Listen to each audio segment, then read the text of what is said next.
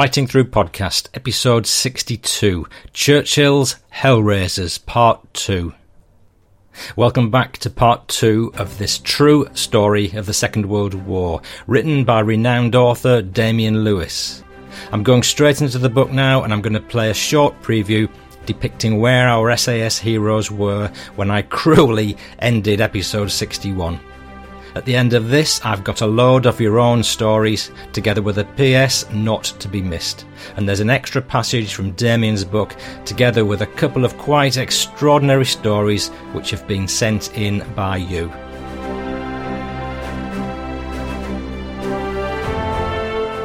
Shortly, they reached a ploughed field. The going worsened, thick, loamy soil clinging to boots as 100 heavily armed raiders endeavoured to move silently across the rough, uneven ground. From pacing and bearing, Farran calculated they were close now, no more than a few hundred yards from the nearest enemy positions.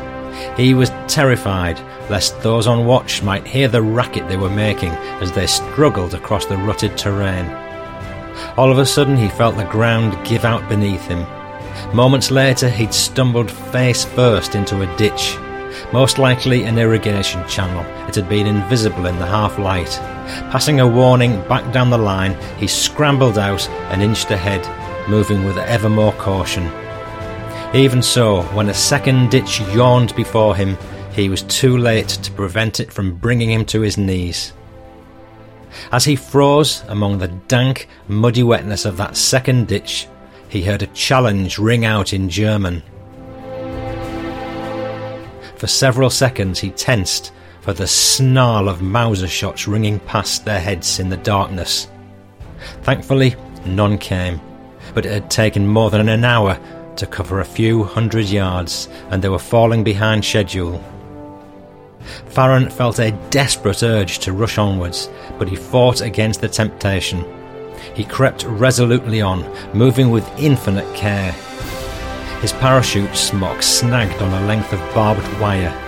Carefully, silently, he untangled it and clambered over the fence, those behind whispering a warning to those who followed. After his detailed studies of the aerial photos, the terrain here was etched in Farran's memory. He reckoned now was the time to swing east to cover the final 300 yards. If he'd got his sums right, they would reach the cover of the crescent shaped woodland, which they'd nicknamed Half Moon Wood, lying on the western flank of Villa Calvi.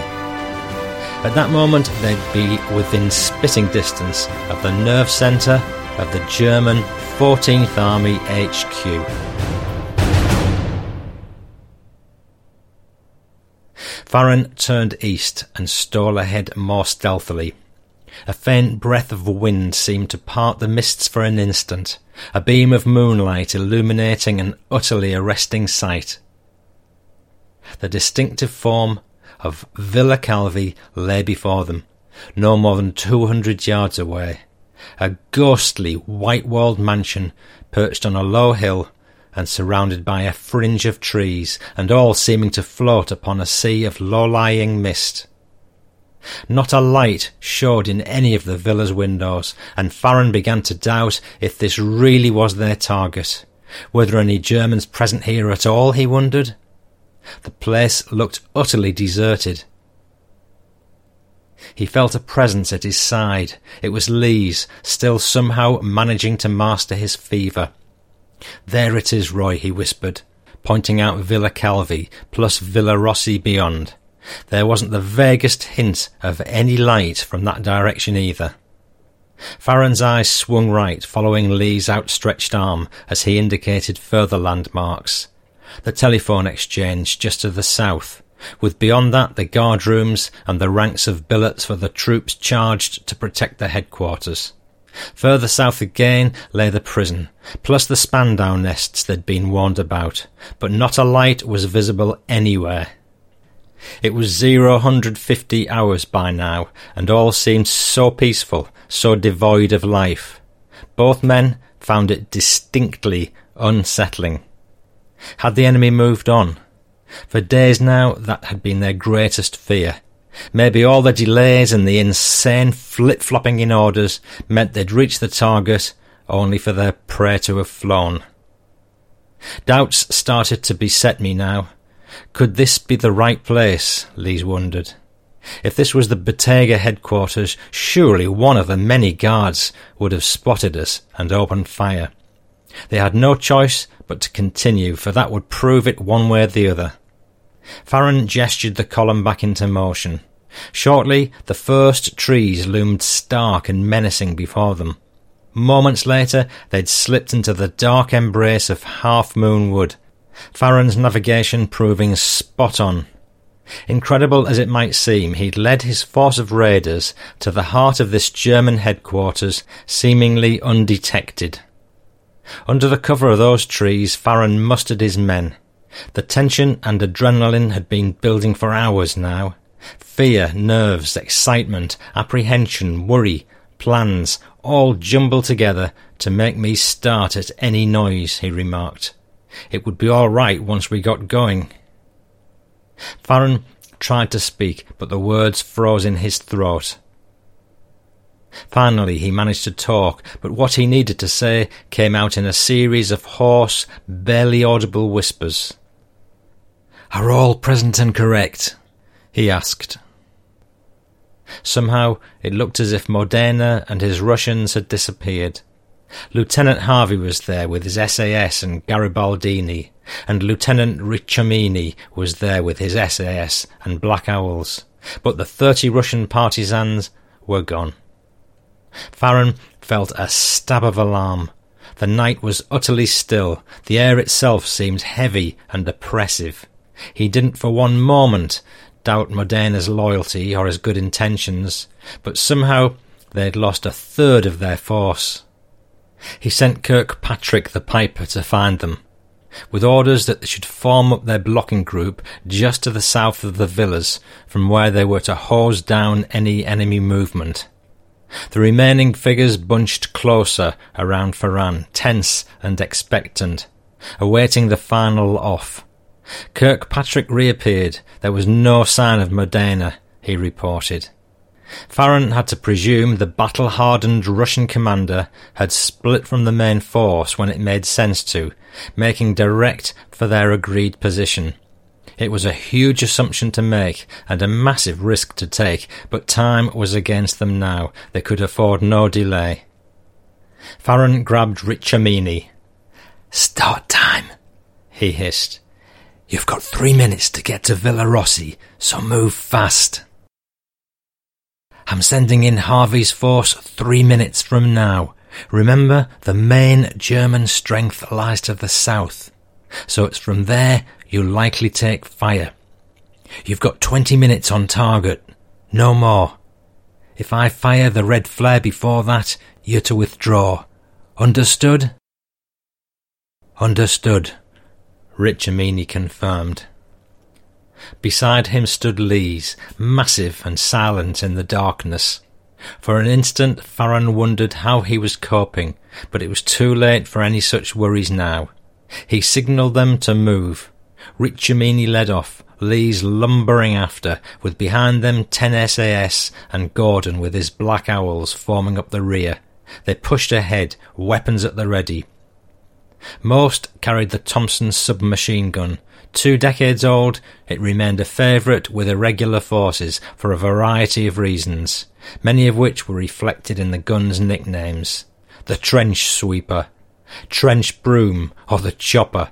The Thompson was of rugged design. It had a high rate of fire, and its heavy .45 caliber cartridge delivered a real punch when fitted with a 30 round stick magazine, it was possible to sweep an entire enemy trench with bullets, or likewise the bedroom of an Italian villa. As Farran watched that first raiding party leave, he wondered if Riccomini had noticed his very obvious fear. Fear that had frozen his words in his throat. Farran had to hope that Ricky wasn't unduly affected by his CO's windiness. He counted out the seconds in his head as the darkness and silence crowded close, as deep and still as the grave. He shivered. Whether from the growing chill or from fear, he wasn't quite certain. Farran cocked his carbine, trying to shake off the malaise that had gripped him. He signalled for young Lieutenant Harvey, and they eased their way further into the woodland, following a narrow path that pointed the way to the perimeter of Villa Calvi. A short distance along it, a thin strand of wire barred their way.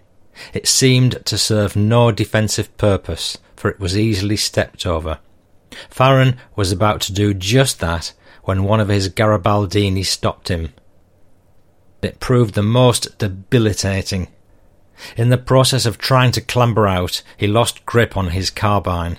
Kirkpatrick jumped in to retrieve it, handing it back to the SAS major, who had more than enough on his mind right now. They pushed on, reaching the road leading to the villas, setting up temporary camp in the cover of some bushes. It was from there, sandwiched between the two targets, that Farran would orchestrate the battle. This was also the rendezvous point at which all would gather to execute their escape. He prepared his very pistol and its flares, and nodded at Kirkpatrick to ready his bagpipes. He counted down the seconds in his head to the three minute mark. Now was almost time. Lieutenant Harvey, meanwhile, led his column of men towards the ornate pillared gateway of Villa Calvi, keeping off the gravel drive as much as possible, which scrunched alarmingly underfoot. They slipped through as silently as wraiths, and Harvey set his outer cordon, leaving his Bren gunners within the fringes of the woods, their barrels menacing the buildings from all sides. He whispered final instructions, they were to shoot dead anyone who appeared at the windows or tried to use any of the doors. There was to be one exception. The front door should be left unmolested. Harvey intended to blast it open with the bazooka as the sleeping villa's rude awakening. Brengunners set, he led his men onto the wide expanse of manicured lawns that stretched up to the villa itself. It was incredible, but they had yet to encounter any resistance. He gathered his force of men at arms, ten SAS plus twenty Garibaldini, in a tight knot on the lawn. They were set a few dozen yards back from the massive wooden doorway and poised to storm through. Still, there had been no cry of alarm or sign of discovery. Acting on instinct, Harvey darted across the close cropped grass to try the door. He reached out to the massive iron handle, but sure enough, it was securely locked and bolted. He hurried back to his men and readied the bazooka. It had a maximum effective range of little more than a hundred yards, but that was more than enough for its shaped rocket charge to tear across the lawn and rip the door into blasted wooden splinters, at which moment Harvey would lead his men forward at the charge. They levelled the tube, held their breath, and prepared to let rip. But there was a soft thud from the bazooka's firing mechanism and nothing more. The M1's rocket rounds were notoriously unreliable, and sure enough, it had misfired. Hurriedly fumbling in the dim moonlight, they armed it with a second round and again tried to fire. Again it was a dud. No result. Damn! Now bad luck was with us. Harvey recorded of the moment. We gathered around to try to determine the cause of the failure. Then I heard the unmistakable crunching of boots on gravel, and then the deep guttural voice. Germans! They were in danger of getting caught in the open of the villa's grounds. Ordering his men to lie flat and motionless, Harvey dashed back the few yards to the gateway, taking cover behind one of its massive stone pillars. He spied the enemy patrol almost immediately. Four Germans were marching up the road towards where he was concealed, looking purposeful and determined. This was no mundane sentry duty, that was for certain. Harvey waited until they were barely a dozen yards away. He needed to kill them all outright so that none might escape. Then he stepped out of cover, Bren levelled at the hip and pressed the trigger unleashing a whirlwind of rounds. The sudden noise of that long and deafening blast tore apart the stillness of the night like a clap of thunder and lightning. It was essential that this was all done at point blank range, Harvey reported, to ensure that they were killed immediately, for those shots would have set the whole area off. I couldn't afford to have wounded Germans on the road while I engaged myself in getting into the house. Breaking into the villa would require busting through that massive wooden doorway, and there was no time to get the bazooka working. Leaving four bloodied figures sprawling on the gravel, Harvey turned on his heel and ran, sprinting across the lawn and yelling for the others to follow. As they neared the cover of the villa's grand porch, the first yells of alarm were heard from a window high above, followed almost instantly by a long burst of fire. It was answered by the rasping of a bren as above them glass shattered and voices screamed in shock and agony. Even as Harvey levelled his weapon at the door lock and pulled the trigger, the fire from above intensified. One of his men, SAS parachutist Mulvey, tumbled over, hit in the knee. From the shadows at the lawn's edge, muzzles spat fire as Harvey's Bren gunners tore into the enemy figures, now crowding the villa's windows. Point three or three inch rounds blasting splinters out of masonry and shattering wooden frames. Directly below, Harvey was desperate to break into the building. I gave the lock a final burst, he reported, pushed in the door, threw in a few hand grenades, and ran into the dark interior. Those grenades had detonated inside Villa Calvi's fine entranceway, the deafening explosions echoing throughout the building and telegraphing that the impossible was seemingly happening. A hostile force had broken into the 14th Army's headquarters, apparently all but undetected. Harvey dashed further inside, the villa's hallway shrouded in darkness and wreathed in grenade smoke. There were scuffling noises and bullets started to fly, he reported. The din was deafening in the enclosed space.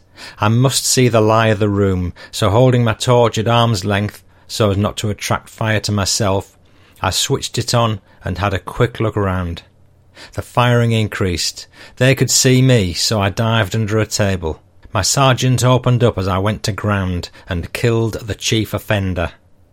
SAS Sergeant Godwin let rip over Harvey's shoulder with his Thompson submachine gun, cutting the enemy fighter down. An instant later, Harvey was back on his feet, sprinting for the staircase just ahead. Outside, someone must have got the bazooka working. There was a roar of the weapon firing, and moments later the rocket charge tore through an upper floor window and detonated, devastating fire and shrapnel punching through the rooms like a whirlwind. Back at his roadside position, Farran had heard Harvey's first sustained burst of Brenfire with mixed emotions. Coming from the direction of Villa Calvi, it had sounded as if an entire magazine had been unleashed the operator keeping his finger on the trigger without pause. Farran could only imagine that Harvey and his men were in action, and he felt a stab of excitement that the first fire had been British, as he had dearly hoped it would be. But at the same time, there was silence from the direction of Villa Rossi. Where were Riccomini, Lees, and their men, and why hadn't battle there also been joined? Villarossi's defenders would be waking up to the assault, and within seconds they'd be at their defensive positions. Harvey's burst was like a signal for all hell to let loose. A deafening barrage erupted from the ground just a hundred yards to the south of Farran's position, where the roadway ran past the HQ's telephone exchange. From the muzzles sparking in the darkness, Farran knew that it had to be Modena and his Russians, as his line of thirty fighters let rip. True to form, Modena wasn't holding back.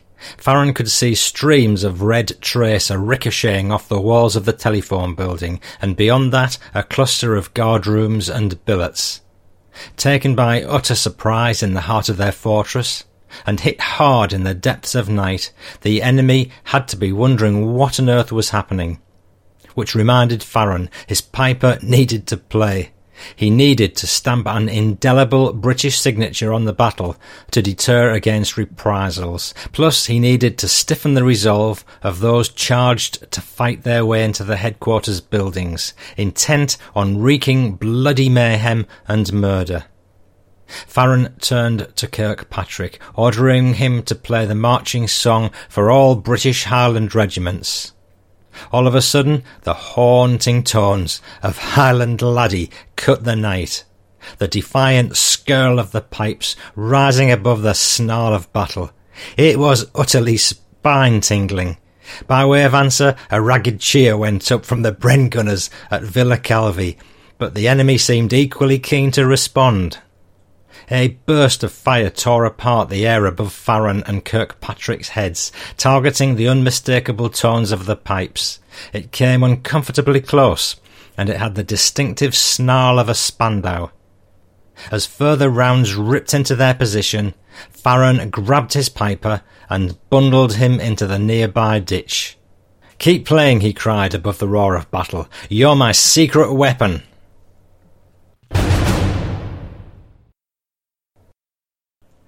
And breathe again. And that's the end of the passage. If you want to read the rest of the action, then check out the book, Churchill's Hellraisers by Damien Lewis, available now in hardback and audio CD.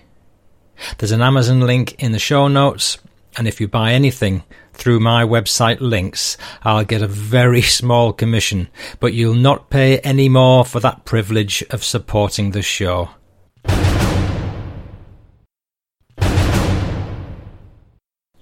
Moving on, I really have got a stack of listener contributions to share with you now. I've got a couple of great memoir contributions coming up in the PS, and I've saved them to last because they're special. One's funny and one is extremely poignant, and they're from uh, Frenchman Frederic Pibiri and Mark Wright Johnson. So, leave the show at your peril. You'll miss a great finale, including a last bonus dip into Churchill's Hellraisers. Keen fighting through it in more ways than one. Brandon Baxley wrote recently Hi, Paul. I've been listening to your podcast religiously since I discovered it two weeks ago. I was a sniper with the 75th Ranger Regiment, 3rd Battalion. I had a little run in with an improvised explosive device, IED, and I was medically discharged. Your recent stories of the Second Rangers were among my favourites. I wanted to reach out and offer to send you some memoirs of my family's miss adventures. The stories range from the American Civil War to the War on Terror. Just like Lieutenant Dan in the movie Forrest Gump, I've had a family member fight in every war America has been involved with. My father retired in May as a full bird colonel in the army, and my grandfather, Horace L. Baxley, was a CSM with the 11th Armoured Cavalry. As a tanker army, my grandfather was my hero, and he taught me how to be a man, a father, and teammate. He left the cotton fields of South Alabama in 1942 at age 17 to join the army. He said he said he'd rather get shot at than pick one more sack of cotton. He was in Europe by mid 43. He was an infantryman in Patton's Big Red One, the 1st Infantry Division. He was one of the men in the Shadow Army.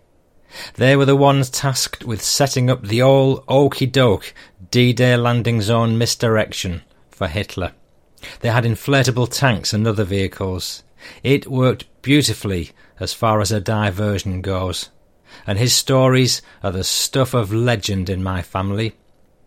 I'd be grateful if you would do us the honour of telling one of his stories on your podcast. Brendan, uh, let me think about that for a minute. Yes, please. Send him in. Um, I picked up what Brandon had said about being a sniper in Afghanistan, and he replied with the following. Um, Many aspects were so compartmentalized that we didn't know what was going on most of the time. In my opinion, World War II was the last major conflict where it was possible for a soldier to be proud of what they'd done.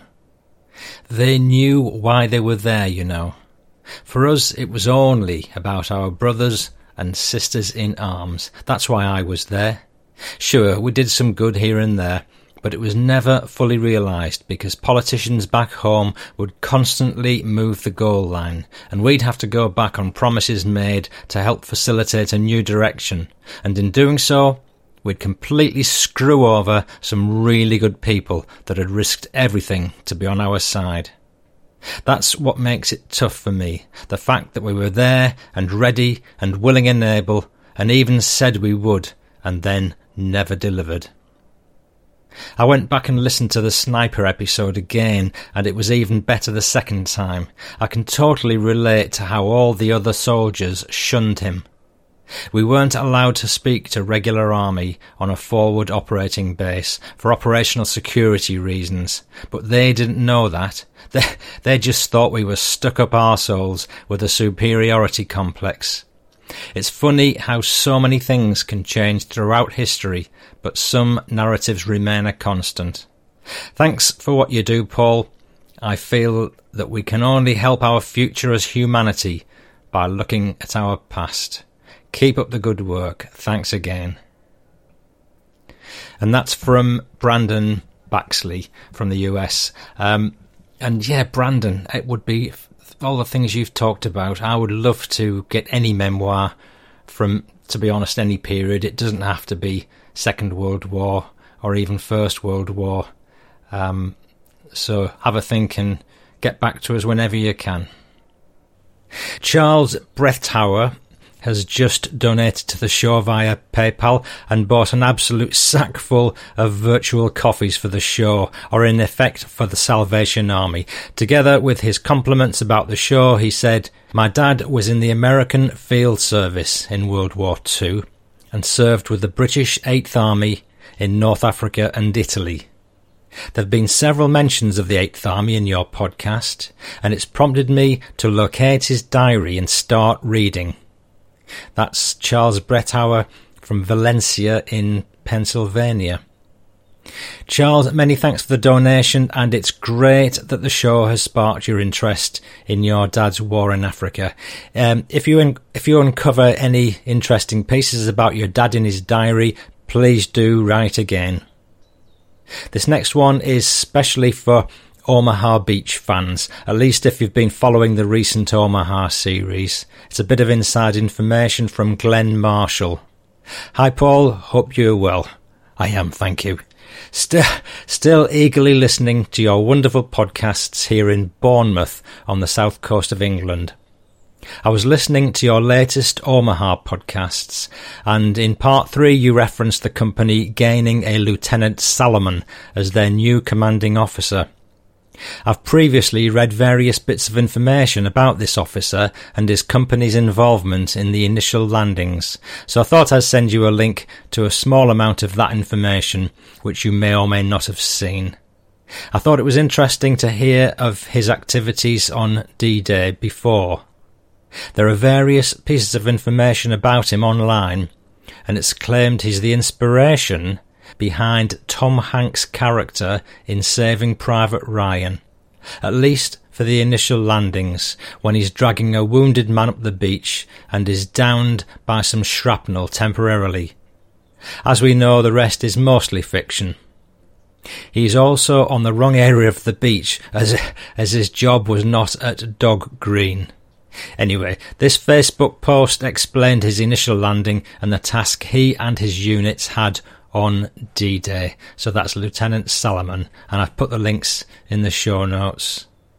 And one of those links uh, covers, uh, discusses how he climbed the cliffs whilst wounded and uh, was one of the first into the trenches. Glenn goes on to say, I believe he earned two Silver Stars and two Purple Hearts during his military career, but I may be wrong. Yeah, I bet one of those was the one that Captain Stan Perry should have had when the US sergeant nicked it from his hospital bedside. Episode 36. Thanks again for the great podcast, Glenn. Keep up the good work, I'm a big fan. and that's from Mark Fowler from Helena, Montana, in the US. Mark, thank you so much for that and the generous PayPal donation to the cause now supported by the show, namely the Salvation Army. It's tiffin time. Not to eat tiffin, but to talk about it. And uh, at last, someone has picked up on my playful suggestion episodes ago to try introducing tiffin into the conversation.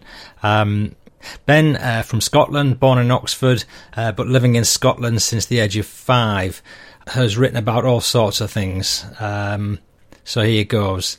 As time has moved on, my knowledge of the Second World War has grown greatly, but I'm ashamed to admit I still know barely anything. Ah, I stumbled upon your first episode and I haven't bothered looking for another podcast since. In one episode, you talked about certain words or phrases and wondered if they were still in use today. Some of them certainly are. I used to work with a guy who'd say every single day at tea break time, Right, come on, it's time for tiffin. I guess this had some sort of effect on me because on more than one occasion I've had apprentices in my new job ask me, What's tiffin? Turns out I now say it pretty regularly too, ha ha. The funny thing is, since you mentioned it on your podcast, I'd never noticed I did. I certainly never noticed that those very same apprentices uh, have now started using the exact same phrase at tea break. I guess some things really do and should live forever. As a boy at school, I was fortunate enough to read All Quiet on the Western Front. I knew it was about the First World War, but was mistaken in thinking it was from an Allies' point of view. Later in life, I reread it, and this time I paid more attention and took it all in. I realised it was about a German soldier and his friends. The one big thing I took from the book, though, was how every soldier, regardless of race, religion, or creed, was in the same boat. The situation was the same for both sides. I was very much reminded of all of this when listening to the episode about the POW story, and also your discussion with Volker Verum, episode 51, Child of War, all about Volker's experience being born in 1944. Ben continues, all the talk about the kindness shown by some of the opposition, like in the case of what your own father did for the German family, about how some of the soldiers almost seem sympathetic. Obviously, there were some truly evil people in the war, and the atrocities they committed are simply inexcusable, but we can't pin it all on one side, and certainly not on all the participants. The evil at times worked both ways. Reading that book triggered something in me, and since then the books about wartime I've enjoyed the most have always been the recounts told from the eyes of an individual and the things they remember experiencing. I know you put in each of the podcast notes the information about the books you've read from, etc. I wonder though, is there a section uh, if not, there could be, on the website that lists all the books you've used. I intend to make a list of all the memoir books and eventually acquire a copy of each. An already created list would make that task a lot easier rather than clicking on each podcast in turn. Well, Ben, I'll, say now, I've meant to create what you might call a shop page on the website for absolutely ages, and you've spurred me on to doing something about it. I do have to rebuild the website over the next couple of months for technical reasons. So um, I'll take the opportunity to do that at the same time. And if you do buy a book through the site, I do get a very small commission from Amazon, but you won't pay any more for the books as a result of that. So anyone who wishes to support the show can check the show notes for the latest books. Um, and whilst you whilst you're at the website, you might kindly click on some of the adverts that occasionally pop up because again that drives a tiny reward to the show. But hey, every cent or penny counts. Back to Ben. My grandparents on my mother's side lived in the country during the war and were farmers. At some point, a paratrooper, not sure which side, landed in one of the farm fields, removed his parachute, and disappeared into the trees before anyone could say or do anything. My grandfather and great grandfather were working on the farm and saw it coming down. They followed it to the location and on arrival found the parachute stuck in a tree. So they freed it and took it home and, and hid it, even though people were meant to hand in a parachute in those days. My grandparents got married just after the war years in 1947, and the parachute was turned into a wedding dress and bridesmaids' dresses.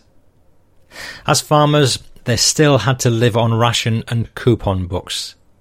They had things slightly easier though, as they could hold back some of their own produce. They would receive orders on a certain quota for the amount of produce that they'd have to supply to the government to help contribute to feeding not only the troops, but also the country. The family lived in or around the area of Otmoor near Bicester or Bicester in Oxfordshire. During the war, they had Italian POWs working on the farm. They would help with hedging, ditching, etc., and it would always be the same ones, at least three of them, unless someone was ill. Unfortunately, I don't have any names, but intend to keep looking. It would be amazing if I could track them down, and would love to know what happened to them after the war ended. So, listeners, if you um, or if you are Italian descent from the war years or know somebody, um, it doesn't have to be one of the one of the three that worked on this farm, but uh, it would be great to hear some of the memories you've got if you stayed in this country when the war finished. Back to Ben. They couldn't have been all that bad, these Italians, because Gran always spoke highly of them and would often talk about how friendly they were and how they taught her various recipes for things like savoury macaroni these same recipes have been passed on to my own mother and my sister. Come on, Ben, send one in for us. I've done a small part of digging myself, and it seems that there was a main POW camp in Bicester itself, Camp 33, or the Old Windmills Camp, and it's now part occupied by L.C. Hughes Scrap Metal Yard. Apparently, there's a mermaid statue in the yard built by Italian POWs. When my grand passed away, they found letters between my great grandparents and other things from during the First World War. How good is that? My father in law joined the army as soon as he was old enough and trained as a sniper. A different generation he was born well after the Second World War, but was involved in fighting against the IRA and liberating Ireland. We've spoken rather a lot in recent weeks about his time in the army. We've also talked about his childhood, as he grew up almost 500 yards from the home that I now live in. It seems so long ago, but in actual fact wasn't that far back, and I hope to convince him to write all, or at least some, of these stories sometime. As yet I've had no luck, as he shows little interest or simply doesn't want to remember a lot of what happened. My grandfather was a farmer, but one of his brothers, Fred North, was in the army and did a tour in Africa. He survived the war, but passed away some years ago now. I never knew him, but have been told that he never spoke about the war. If he was ever asked about it, he always said the same thing. He'd say how they always had to have eyes in the back of their heads and look out for each other because you never knew when one of the locals was going to come along and steal your boots and disappear up into the trees. That's shades of Wilf Shaw in Africa when they kept getting their watches nicked. My gran had two brothers in the forces. John Taylor was in the army and survived the war, but passed away a few years ago. And their brother Ray Taylor was in the RAF. He survived the war and is still alive today. One uncle told me that there's a Ministry of Defence, MOD, base nearby in Otmoor. During the war, they had several bunkers there and these bunkers can still be found today, but you need to really look for them.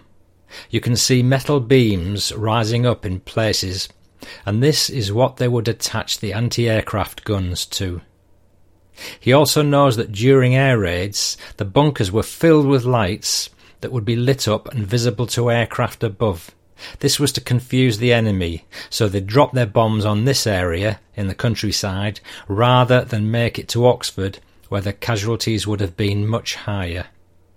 He can remember as he was born and growing up after the war, the local MOD base would carry out bombing target practice in Otmoor. He can remember working on the farm, seeing the planes coming over, then a little bit later hearing and sometimes feeling these loud thumps. That was, of course, the bombs, all duds, hitting the earth. He claims that bomb fragments can still be found in the area today. Somewhere he's got an old cigarette lighter that was made from an unexploded bomb fuse. He said that during his time in the army, his uncle John Taylor would go out regularly with friends to find unexploded bombs and to remove the fuses and disarm them. Apparently, making these into lighters was a common thing. If he finds it, he'll send me pictures, or maybe even the lighter itself. This really is the beginning. I've gone from a family of farmers helping to supply the troops to also having three veterans that survived the war and some amazing tales. I honestly cannot thank you enough, Paul. Without your podcast, I'd never have started looking into my own history. I really do get blown away with every little piece I find out and get excited by the new avenues of investigation that I open up. My own mum gets equally excited by all of this, as I'm finding out about a lot of things she never knew despite growing up around these individuals. And it all started with your podcast. Thank you. Today, I'm married with kids of my own. I have huge regrets over not showing more interest in the war years when I was younger. How much information and stories have been missed and are now gone forever as all my grandparents have passed. I wish I could go back and ask a whole load more questions. All of this has helped me realise how important it is that we have a record of these things and that we don't forget the experiences generations before us had. Unfortunately, I feel that is somewhat lost on a lot of the youth today.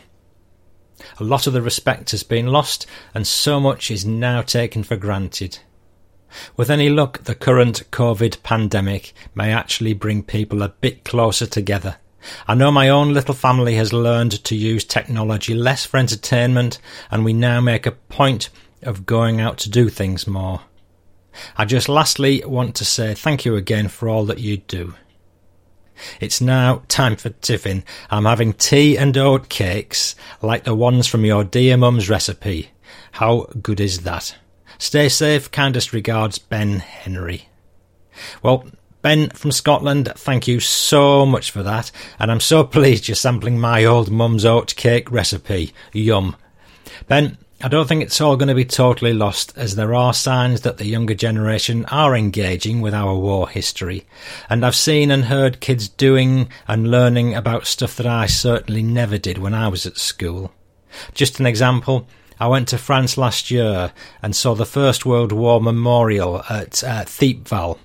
The Thiepval Memorial to the missing of the Somme is a war memorial to over 72,000 missing British and South African servicemen who died in the battles of the Somme of the First World War, who had no known grave.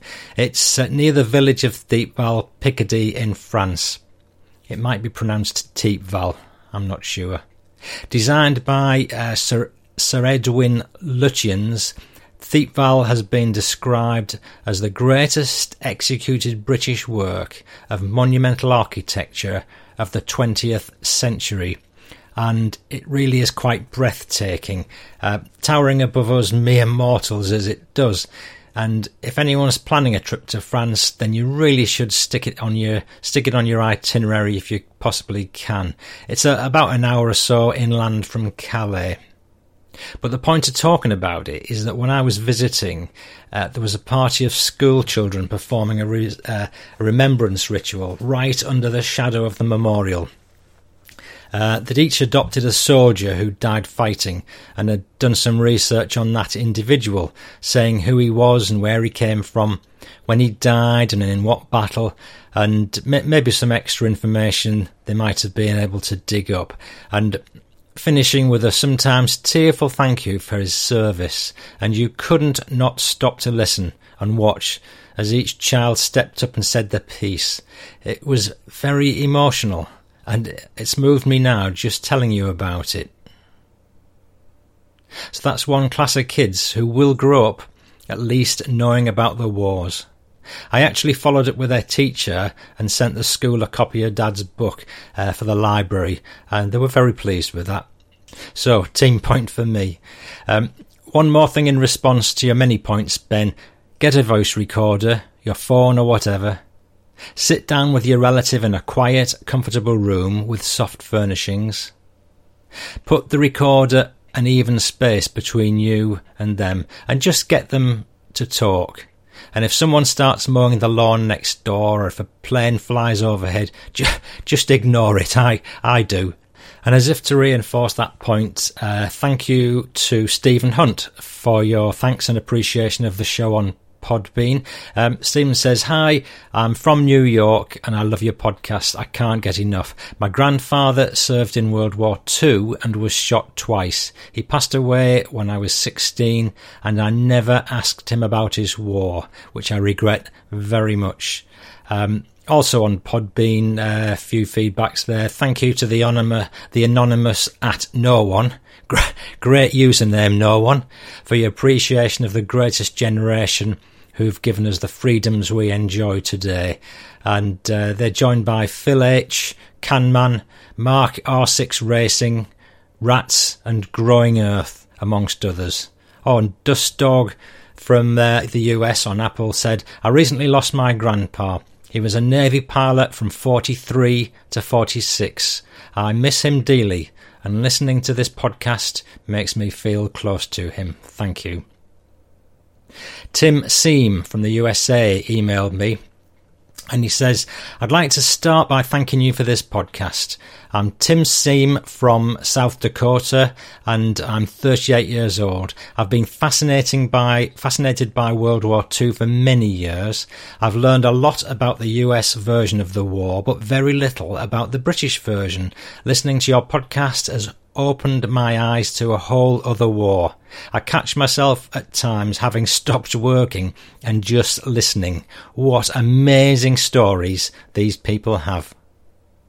About six weeks back, I lost my best friend and hero, my grandpa Gordon. He was 94 years young and I miss him dearly. He was a US Navy pilot from 1943 to 46 and during flight school he came down with scarlet fever. He was sent to a military hospital and therefore missed training time, and because of that, he was sent back to the next unit of soldiers. The final phase of training was learning how to take off and land on carriers. Two weeks before the final phase, his unit was called off. His original unit completed their training and were sent to war. He told me many times that getting scarlet fever possibly saved his life. He was then sent to San Diego. There he played baseball. Much of his unit was sent to the Pacific, but he was kept back. See, my grandpa was a really good ball player. So good, the Navy kept him there to play to play for their team. How great is that? In, in 1946, he returned home, and in 1950, he married his sweetheart, my grandma. They were married for 70 years this past June, and she's alive and well, but missing her love. My brother lives in Aalst in Belgium with his wife and four daughters. If you remember, Wilf Shaw talked about liberating Aalst in episode 23. My sister in law Laura is Belgian. Six years ago they moved there.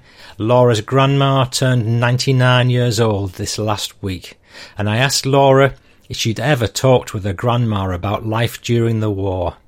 Her reply was, Yes, we've talked about it several times.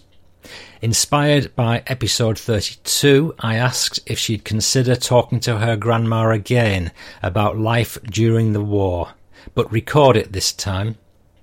Without hesitation, she said, Yes, but it'll be in French though. Laura said she'd translate as they converse. I'd be happy to share a recording of this when I get it. Tim, that would be brilliant if you could do that, and uh, without a shadow of a doubt, include the French as well in full because I'm sure there'll be one or two French listeners who would thoroughly enjoy listening to it in that context.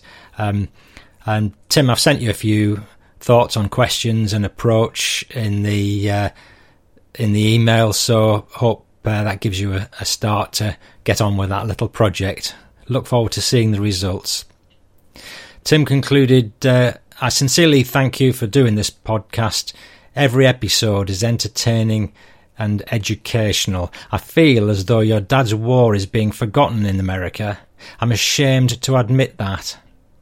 Listening to your podcast keeps it alive in my small world, and it also helps me feel close to my grandpa.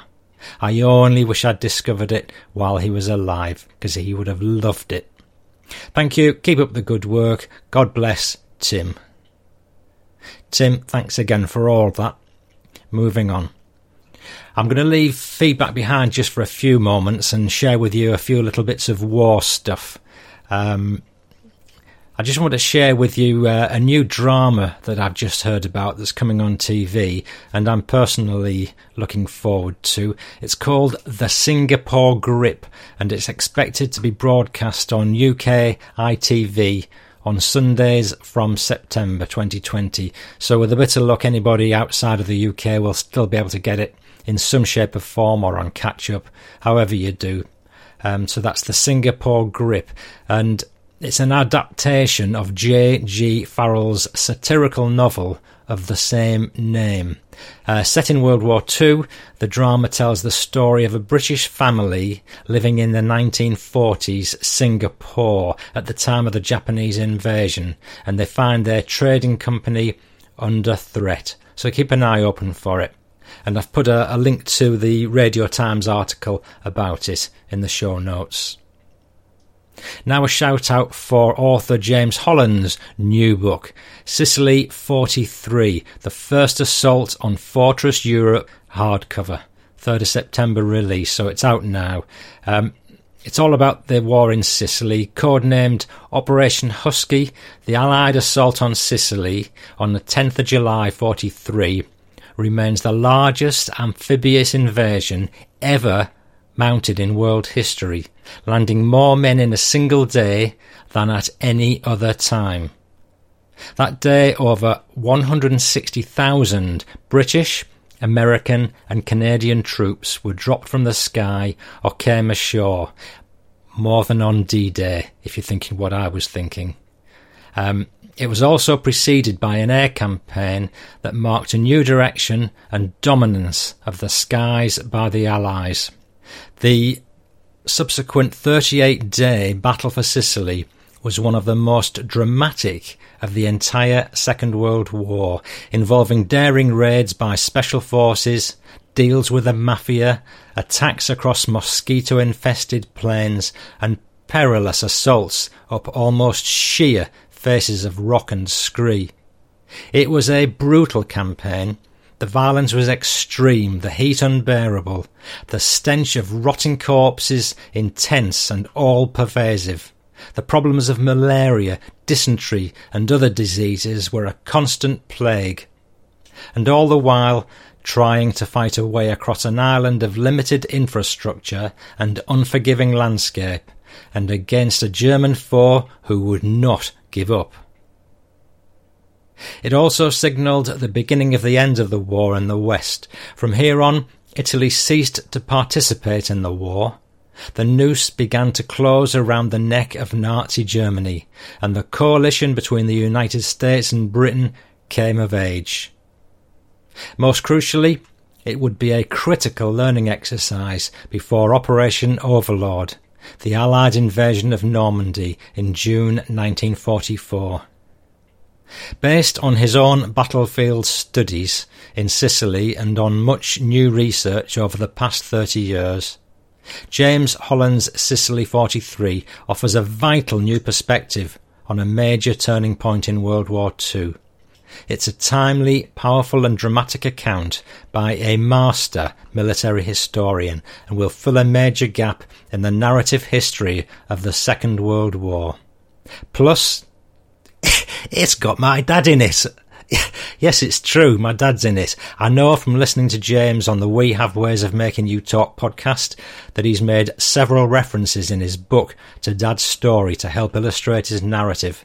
So it's a book firmly placed on my birthday list, which was, ooh, yesterday.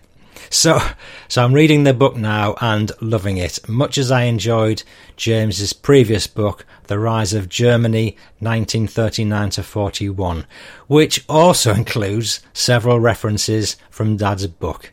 How good is that? I must admit, just reading that blurb from the book, that's an education in itself, which is why I decided to uh, leave it in. Back to uh, listener feedback. Here we go. A few reflections now on Omaha, Gallipoli, and uh, Achtung Spitfire, and Bayeux, Calvados. Jamie Beale wrote in. Hi Paul, I just wanted to contact you to thank you for the shout out and birthday wish during episode 55. That made my day and during this awful lockdown, the book was a great gift from my daughter Laura to brighten things up while we're all isolated from loved ones. I kind of thought I might get a mention because my wife was so pleased that she asked me, she asked me about 20 times to check if your latest podcast was available and I hadn't listened to it yet. Anyway, a great treat and lovely to be mentioned. I'll take this opportunity to say how much I enjoy this podcast, and uh, I love the passion and respect for the subject and people you show. When you read out the feedback from other people, I always think how much I agree with their positive and often emotional sentiments about the podcast. The veterans are amazing to listen to and a great source of pride for me as a proud Englishman. As I get older and the wartime generation are passing, it just makes the work you're doing even more valuable to us all. Ironically, your Omaha special was a great listen, but also had a pertinent element, as many of the places mentioned I visited as a child and adult. I have great childhood memories of Bude and the farm where we holidayed at Holsworthy nearby in the 1970s. To think US Rangers trained and got to know the locals and sampled such things as fish and chips and British ale in the area all those years ago is just amazing. I live in the southwest and regularly visit Weymouth and only recently realised the historical significance as a step off point for so many Allied soldiers. There are many photos and film of Weymouth crammed with troops and landing craft online and in books. My daughter Laura, who contacted you to get your dad's book, commented that you took an interest in my family's war history, and whilst I can't offer anything like the amazing legacy your father left, we do have our own source of family pride as one grandfather Daniel Beale was in a reserved occupation and served as an auxiliary firefighter in Birmingham during the war. He passed in 1999 after a long fight with prostate cancer. Sadly, like so many other people, I was too young and wrapped up in youth to think to ask him of his experiences during that time. I understand he was present during the Coventry bombings, as it was so severe that many outlying stations were called upon to help. My other grandfather, Albert Stevens, was turned down for military service due to a heart condition, but ironically, he lived a very healthy life up to the grand old age of 96, sadly passing away last year. He was an electrician at the Castle Bromwich Spitfire factory in Birmingham, where my family comes from. And we've a couple of photos from that time, and one picture he's in shows the flight crew that he was part of with the test pilots, including the famous chief test pilot, Alex, Alex Henshaw. How good is that? I will attach the picture we're all very proud of. Listener, I've put that photo in the show notes and I'll repeat what Jamie said. It's a photograph of Albert Stevens with the Flightline crew and test pilots, including the famous chief test pilot Alex Henshaw at Castle Bromwich Spitfire Factory. Wow, what a treasure. take a look at it in the show notes. The only notable story I can think of from his time at the factory was, as he said, after the fuel tank had been removed from a Spitfire, to gain access to change an electrical component, a spark caused a fire in the aircraft. He didn't remember the fate of the aircraft, but he did say that it was a very serious incident during wartime, and luckily the investigation into the fire found that the fitter who'd removed the, fu- the fuel tank had not vented the area, which was part of his procedure. So subsequently, grandfather Albert was exonerated of any blame, but for a 19 year old electrician, it was not a nice experience. He always talked with fond memories of his time at Castle Bromwich and said the camaraderie and sense of purpose was amazing. One final note. At a family funeral last year, I became reacquainted with my cousin, and he was telling me that our great grandfather, Arthur John Newman, who served in the Great War, had fought at Gallipoli. He was wounded in action and sadly contacted gangrene, and after several operations, ended up with his leg amputated amputated above the knee.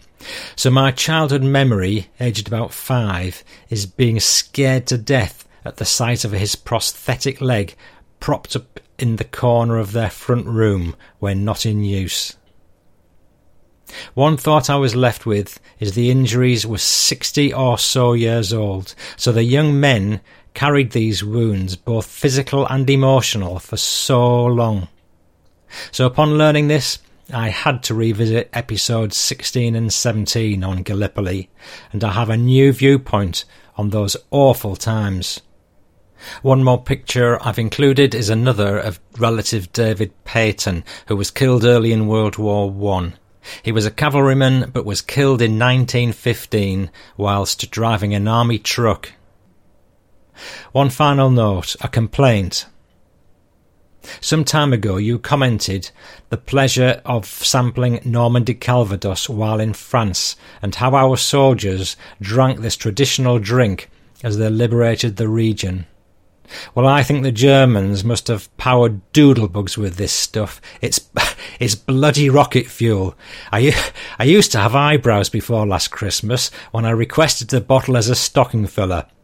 I thought, what a lovely homage to our fighting forebears to raise a toast to them with such an iconic drink. Anyway, it takes a man to drink that stuff. They certainly were a strong breed, because that stuff knocked me sideways but I will persevere and conquer the bottle, albeit very slowly. Please keep up the good work, Jamie Beale. Jamie, thank you so much for the effort you put into writing all that, and there was so much in it that must have struck a chord with other listeners that I thought I'd leave it in, especially as you said such nice things about this show. I'll um, I'll just pick up on one or two things. Calvados. Um, I'm sure your reference to it was sparked by Maurice Prince's Omaha experience.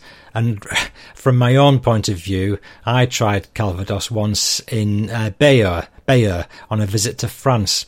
And they do a trio special with three samples of different vintages, uh, ranging from young uh, and not too strong through to old and very strong. And if you ever try it, make sure you start off in order, with ideally the younger one first, giving you the, the best chance of finishing all three before, before the oldest one knocks your block off. But it's a very pleasant way to try it. Right, this uh, segment is a, a, reference to the Danger UXB episode, um, and it's from uh, listener RK Rogers.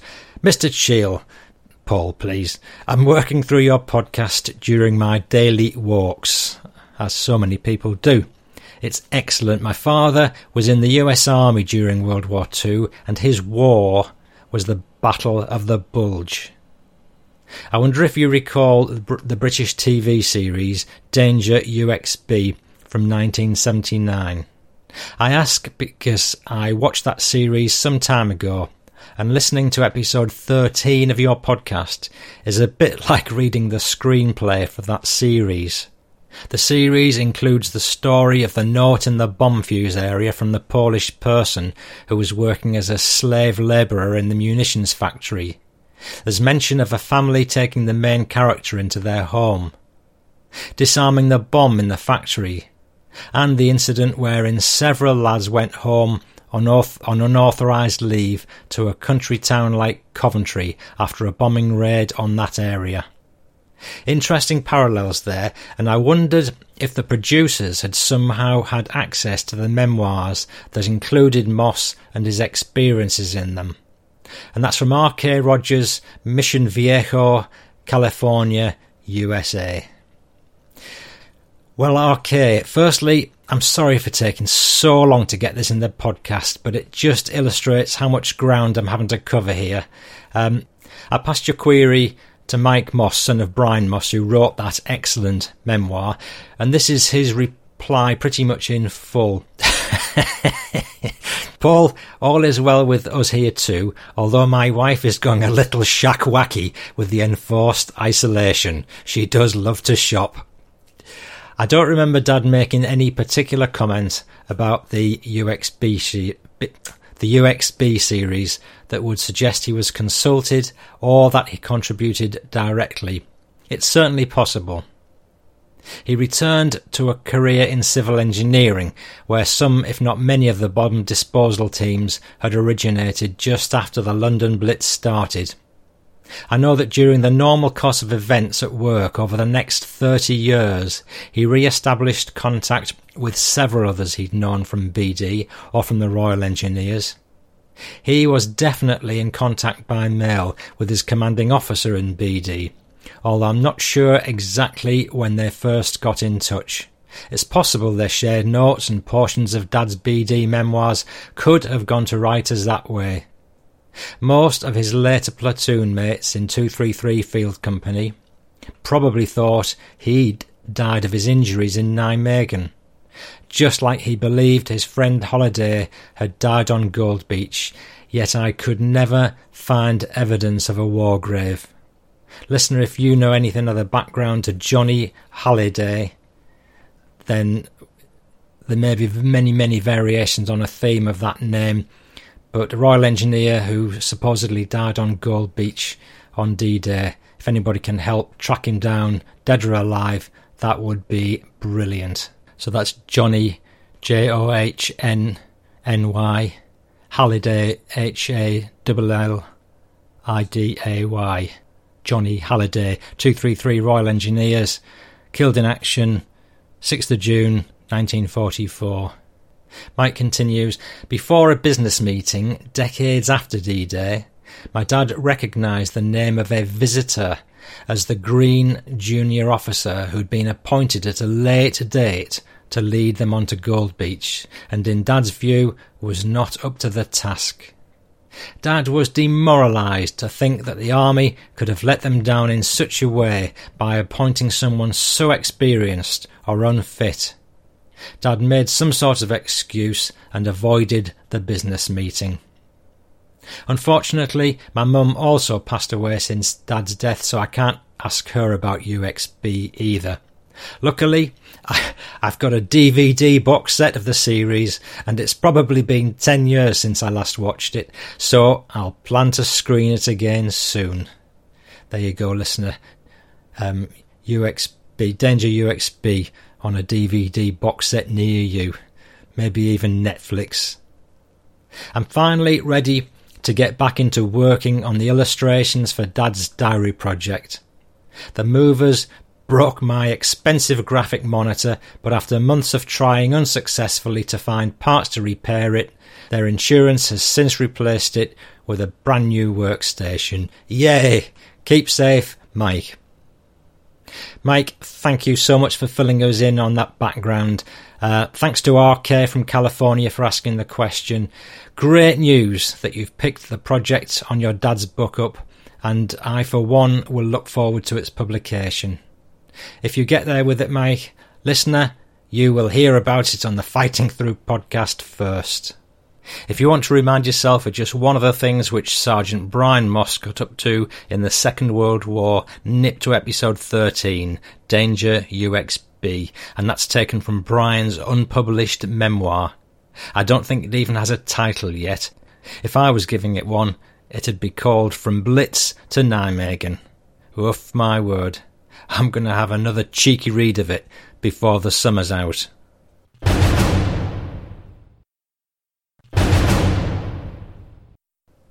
Paul Clacher has written in about his great granddad and his First and Second World Wars. Hi, Paul. I've recently started to binge listen to your amazing podcast, and I've learnt so much that I never knew regards to these hard times they experienced. I'm researching my great granddad's war history, and uh, I've inherited a, a 60 year old plus photo album of his life and a loads of letters. And the more I look into them, the more questions I have. Um, I've taken your advice via the podcast to start a post on WW2 Talk forum, and a few members have been really kind and helpful. Uh, listen, I've stuck a link to that uh, forum item in the show notes. I'm slowly piecing my great grandfather's life together and very proud of the life he lived. His name was Battery Sergeant Major Harry Clacher, and that's spelled C L A C H E R. He joined the 1st Staffordshire Artillery Volunteers 61 Brigade in 1914 and was successful in many famous battles on the Western Front. And he left the forces in 1921 at some point before 1930, he was in Woolwich with the Royal Artillery, where he travelled all over India with his family and his wife and four children. In 1940, he was captured as part of the BEF, and he was last seen at Dunkirk early May, according to newspapers.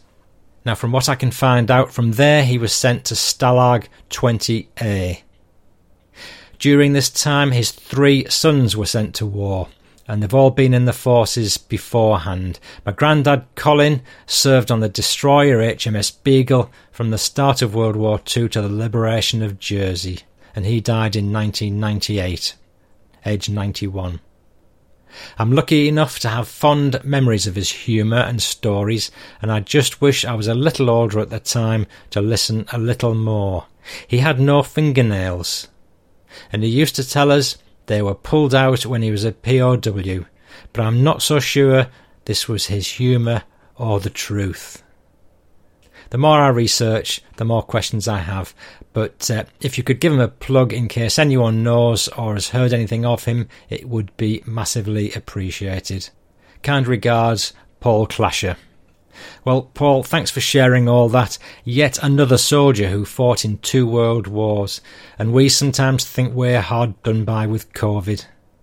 I'm particularly interested in POWs and Dunkirk because some of Dad's comrades and officers were taken prisoner then, and I'd love to know what happened to them. I'm putting Paul's World War II Talk Forum link in the show notes. It's uh, a long shot, but if Battery Sergeant Major Harry Clacher's story in the 1st Staffordshire Artillery Volunteers does ring any bells with anyone, get in touch. Um, and I'm posting a few pics of Harry in the show notes. A shout out now for Jerry Marketos, who's also just donated a truck full of coffees to the show via PayPal. And the links are from the homepage if you want to help out as well. And as outlined in a previous episode, um, that money will go to the Salvation Army. But not only the donation, Jerry bought one of Dad's books too, and as a result got the bonus of a Fighting Through bookmark and some souvenir photos, together with a signature and a smile. Now, Jerry lives in a small village, Weedsport, in central New York State, just west of Syracuse. He says, I'm an electrical engineer by trade and have long had an interest in World War II stemming from an interest in the Chance Vought F4U Corsair fighter plane, a chance to study some World War II Pacific theatre history, which is largely where the Corsair fought. I'll spare you the whole story for now, but I was blessed to become acquainted with some World War II veteran Corsair pilots and had a book published in 2003 entitled On Boyington's Wing. I don't receive royalties, and the only point in bringing this up is that I share a similar interest, and uh, I know the amount of work and reward that comes from such an effort. I have many cherished memories of the Black Sheep cruise and can share those with you sometime in the future. Jerry, many thanks for all that, much appreciated. Bob Fayer has written about his father's war in the Balkans, Yugoslavia. Hi, Paul. I thought I'd send a note in about my father, Corporal Otto N. Fayer, who volunteered for the Office of Strategic Services, the OSS, in 1944. He spoke Hungarian and was an ideal candidate. He went through training at the Congressional Country Club in Washington. He spoke of blowing up bridges and ammo dumps, which sounds amazing, but I'm sure was very traumatic and dangerous. What brings me to send this note is that Dad received his first set of wings from jumps with the British, but unfortunately, I don't know which regiment. He also fought with the British in Vis, Brac, and Solta. The OSS received the Congressional Medal of Honor a couple of years ago, and myself, my brother, and his son received the medal on my dad's behalf. All the best, Bob, and I think it's fair, Bob Fair. And Bob sent me to a, uh, sent me to a link with an article which reads as follows, and it's all about the Balkan War. At first glance, the faded black and white snapshots of Otto Fayer's photo album may look like pictures of smiling vacationers posed in groups at the Yugoslavian seaside and mountains. Except the tourists and locals wore uniforms, and when Fayer pointed to a teen standing in one group, he matter of factly noted that young fellow was one deadly killer.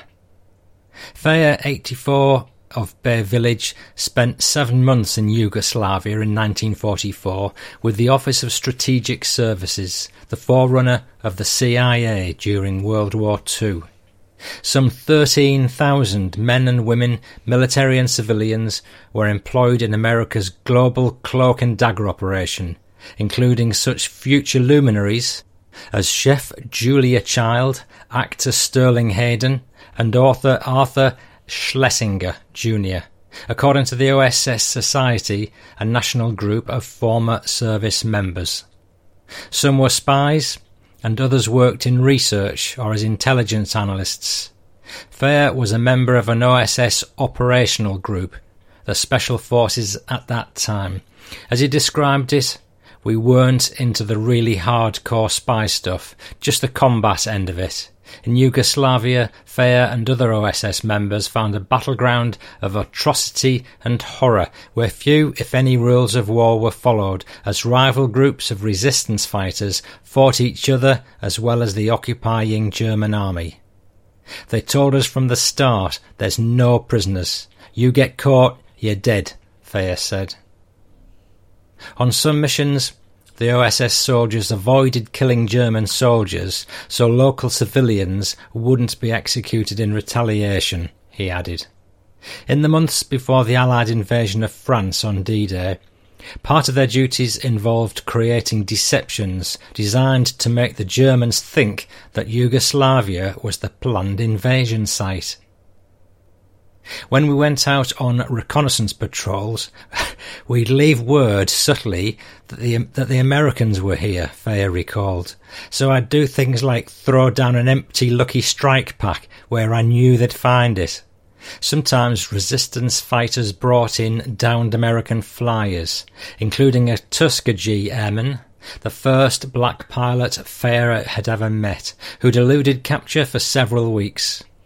Other times they'd leave their base on an island off the coast of Yugoslavia and join British commandos and Yugoslavian partisans on raids of German installations and shipping. Ju- just to aggravate the hell out of them, as Fayer said. The life of clandestine raids and sudden death in the dark was one scarcely imagined by this son of Hungarian immigrants who grew up in Cleveland speaking both English and his parents' native tongue. A talent that caught the attention of OSS recruiters after Feyer was drafted into the army. But the duty sounded intriguing, so signed on and was soon being schooled in the art of unconventional warfare. The OSS had taken over the Congressional Country Club, so we blew up the fairways and all that happy stuff. We shadowed Marine patrols during their training. They said if you ever get caught, get ready to get your ass kicked by the Marines. Feyer quickly discovered the cost of failure in real war when he was selected to join the second of two OSS teams ordered to parachute into Hungary and rendezvous with the resistance. That mission was scrubbed after the first team was immediately captured and killed. Another Clevelander, Joe Harfuth, was in a 21 member OSS team that was captured in Yugoslavia, sent to a concentration camp, and executed. Feyer said nearly a quarter of his 109 member contingent were casualties during the war. But the Yugoslavian people fared much worse. Feyer remembered the poignant sight of nuns leading a long, long line of children who'd been orphaned by the war. He remembered the woman partisan with half her chest shot away, carried from the battle while singing a patriotic song. The blood is just pouring off her and she's singing, Feyer mused, shaking his head. That's the kind of stuff that stays with you. His regard for the civilian soldiers of Yugoslavia also endures. I've nothing but the highest respect for the people who fought alongside us, he said. They were unbelievable. You couldn't ask for better friends.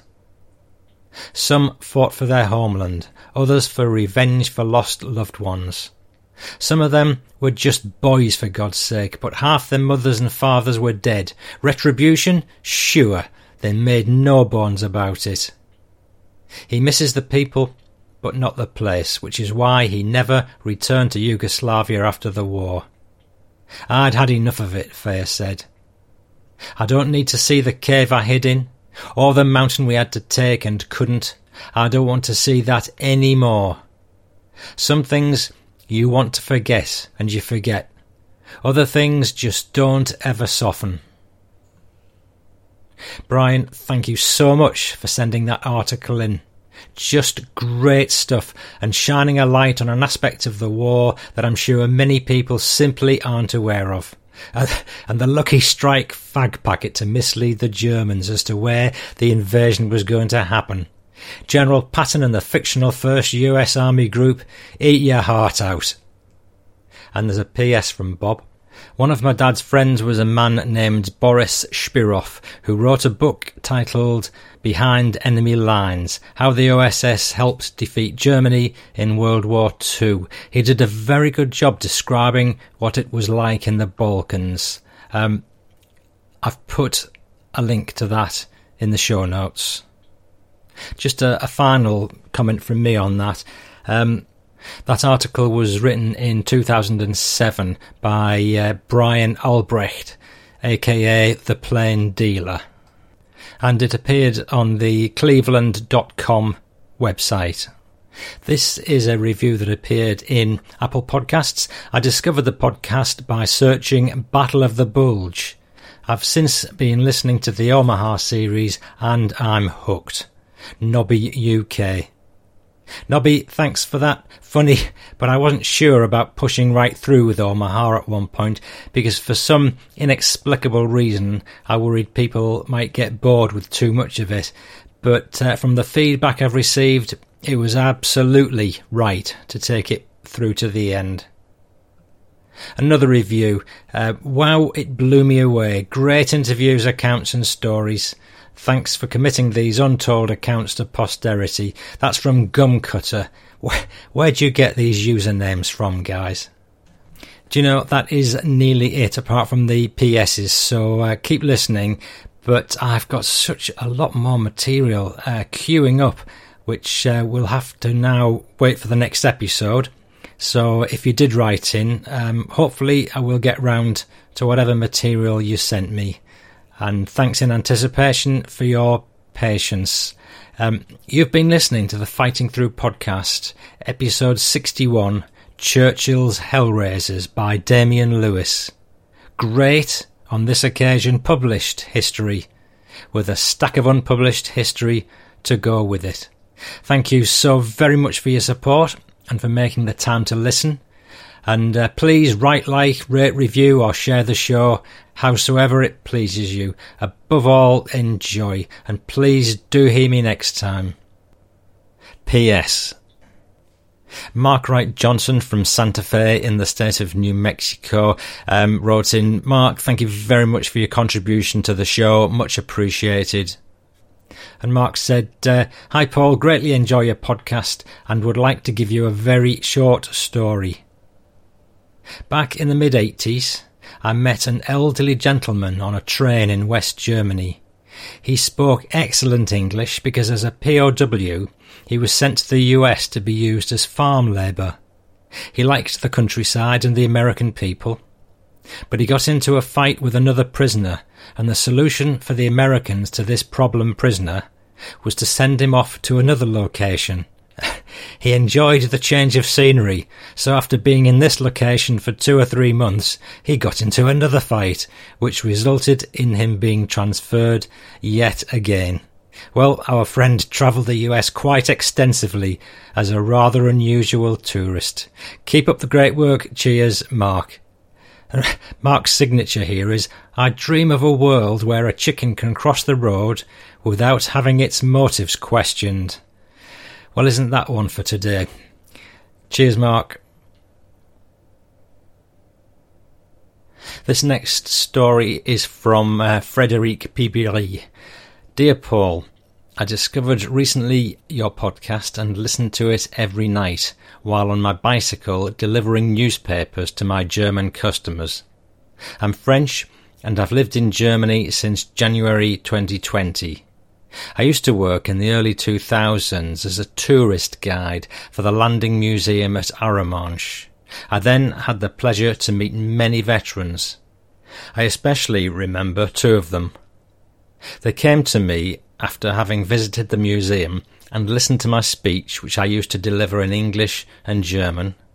One of them told me they were there on the 6th of June, 1944. He, a veteran of the Green Howards, and his friend Vern, who remained very quiet. He didn't tell me much about the assault, only that they'd first met on the occasion and had remained friends ever since. Then Vern came to me and told me what a pleasure it had been to meet his old friend on that day, and he showed me a photograph of them. On the left, the proud and tired Green Howard, and on the right, the Hauptmann Werner Heinrich of the 352 German Infantry Division, a POW and, and really pleased to have been freed from that hell. I'll never forget the tears in their eyes as they shook my hand. I was also very moved. I've lived for fifteen years in the Normandy area and never could bathe on any of the beaches there, even if they'd fought for our freedom to do so. Among many other things, I always considered those places as war graves for all the men who were missed in action on that day. I will listen to your podcast in a few hours, delighted by the way you tell all this great unpublished history. Thank you. Frederic Pibiri. Frederic, thank you so much for sending that one in. What a lovely, heartwarming tale. Uh, one of the best we've had. That's from Frenchman Frederic Pibiri. I'm now going to um, move to the final PS and before I do that, uh, just a final thanks to Damien Lewis and Anne Pryor at publishers Kensington Books for the permission to read from Damien's new book, Churchill's Hellraisers. I'm going to round off shortly with the final passage from the book. Um, but he, before then, he's for your, for your delectation, just to prove that it's always worth waiting till the PS. Here's a couple of outtakes from the show. The SOE recruited from a broad church. Its early volunteers included actors, professional burglars, peers of the realm, a rubber goods salesman, several baronets, a pimp, prostitutes, jockeys, art experts, and bankers. They shared certain traits in common.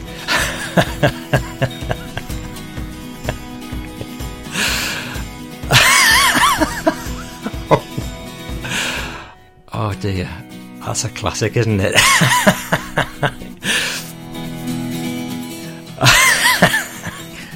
They shared certain traits in common robust independence of mind and contempt for regular hierarchies.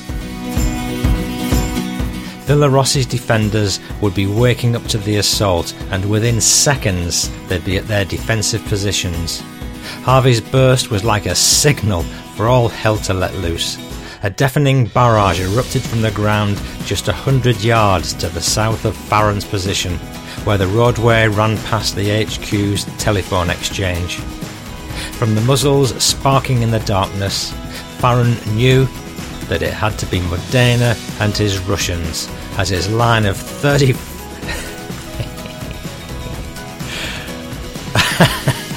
Come on, the Ruskies. as his line of 30 fighters let rip.